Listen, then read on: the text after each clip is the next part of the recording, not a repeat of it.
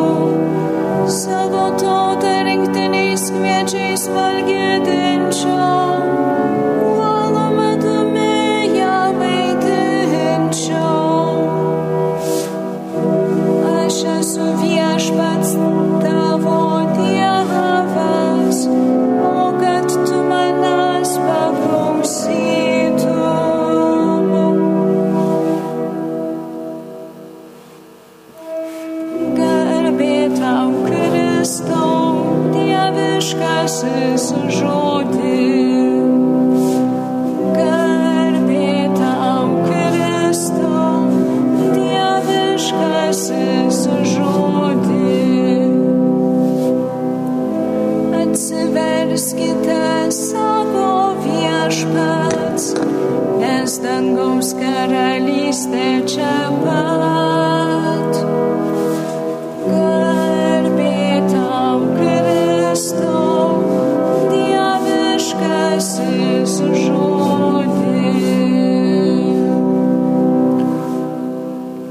Viešpat su jumis. Pasiklausykite Šventojios Evangelijos pagal Morkų.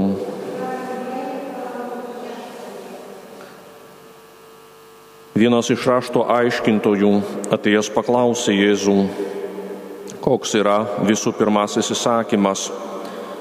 Jėzus jam atsakė, pirmasis yra šis, klausyk Izraelį, viešpats mūsų Dievas yra vienintelis viešpats. Tad mylėk savo viešpati Dievą visą širdimi, visą sielą, visų protų ir visomis jėgomis. Antrasis, mylėk savo artimą kaip save patį. Nėra įsakymo didesnio už šiuodų.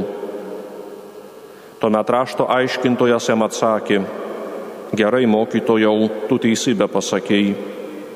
Dievas yra vienintelis ir nėra kito šalia jo o mylėti jį visą širdimi, visų protų ir visomis jėgomis, bei mylėti artimą kaip save patį, svarbiau už visas deginamasias atnašas ir kitokias aukas. Matydamas, kaip išmintingai jis atsakė, Jėzus jam tarė, tu netoli nuo Dievo karalystės ir niekas daugiau nebedryso jo klausinėti. Girdėjote viešpaties žodį. Prašom, prisėskite.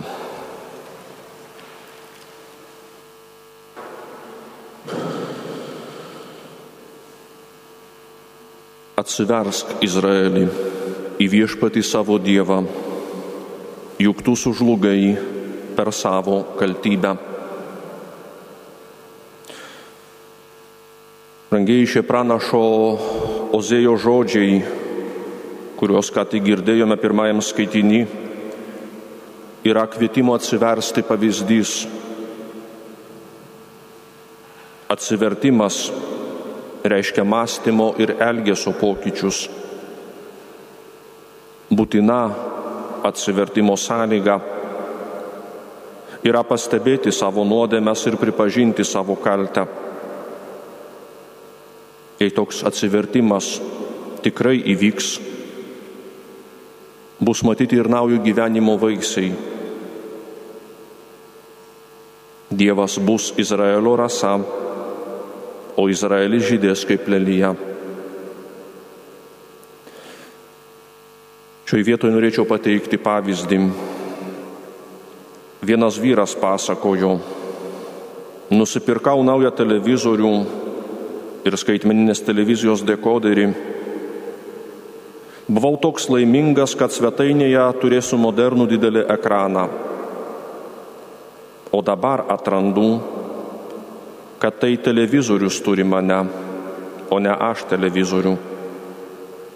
Jis mane pavergė. Sėdžiu ir žaidžiu su nuotolinio valdymo pulteliu kaip mažas vaikas. Žmona prašo manęs ką nors daryti, o aš apsimetu, kad negirdžiu. Praėjusią savaitę patikrinau, kiek laiko praleidžiu prie ekrano. Rezultatai liūdni. Keturios penkios valandos per dieną. Vakarai žiūriu filmus. Kaimynai nebeužsuka, nebendrauju nei su vaikais, nei su žmona televizorius man svarbesnis už ją. Netgi maldai gaila laiko. O jei melžiuosi, tai dažniau žvelgdamas į ekraną, nei į kryžių. Atsiprašau tavęs Dieve už prarastą laiką ir nuovargį, su kuriuo keliuosi rytais. atsiprašau, kad televizorius man tapo svarbesnis už tave patį.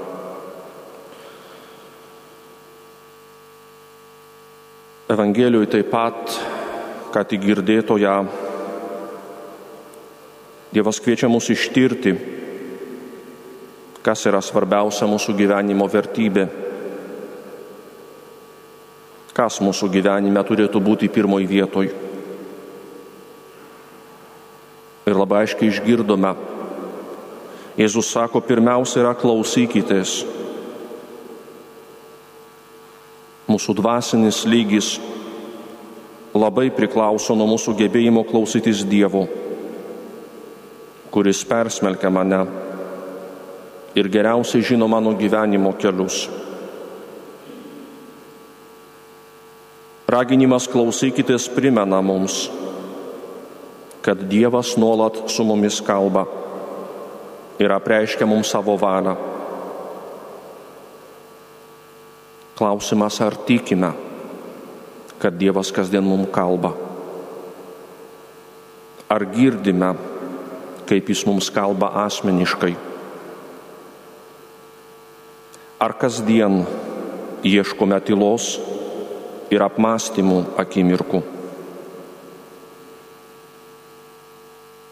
Klausytis Dievo yra svarbiausias dalykas, pagrindinė mūsų gyvenimo užduotis. Taip yra todėl, kad Dievo žodis nuolat kūrė Dievas nori tave kurti savo žodžiu. Ir tai yra daug daugiau nei naujametiniai pasiryžimai, savidisciplina ar treniruotės, vadovaujant geriausiams specialistams. Dievas nesiūlo daugiau fizinio pasirinkimo ir neapipila jūsų auksiniais patarimais. Jis pataiko tiesiai į vidurį, sakydamas tiesiai šviesiai,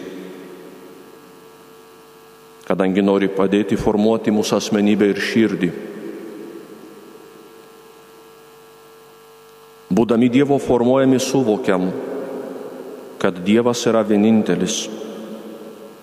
Jis yra didžiausia meilė, su kuria susidurėme. Jo meilėje mes įgyjame savo tikrąją tapatybę, suvokimą, kas esame. Tai labai svarbu, nes be to žmogus dreifuoja ant aplinkybių ir žmonių nuomonių bangų. Yra tik vienas būdas mylėti Dievą - visų savimi. Dievas nori visos mūsų širdies, visos mūsų sielos, viso mūsų proto ir visos mūsų gyvybinės jėgos. Tad ar tikrai norime mylėti Dievą tai, kaip sako Jėzus, visiškai ir besąlygiškai?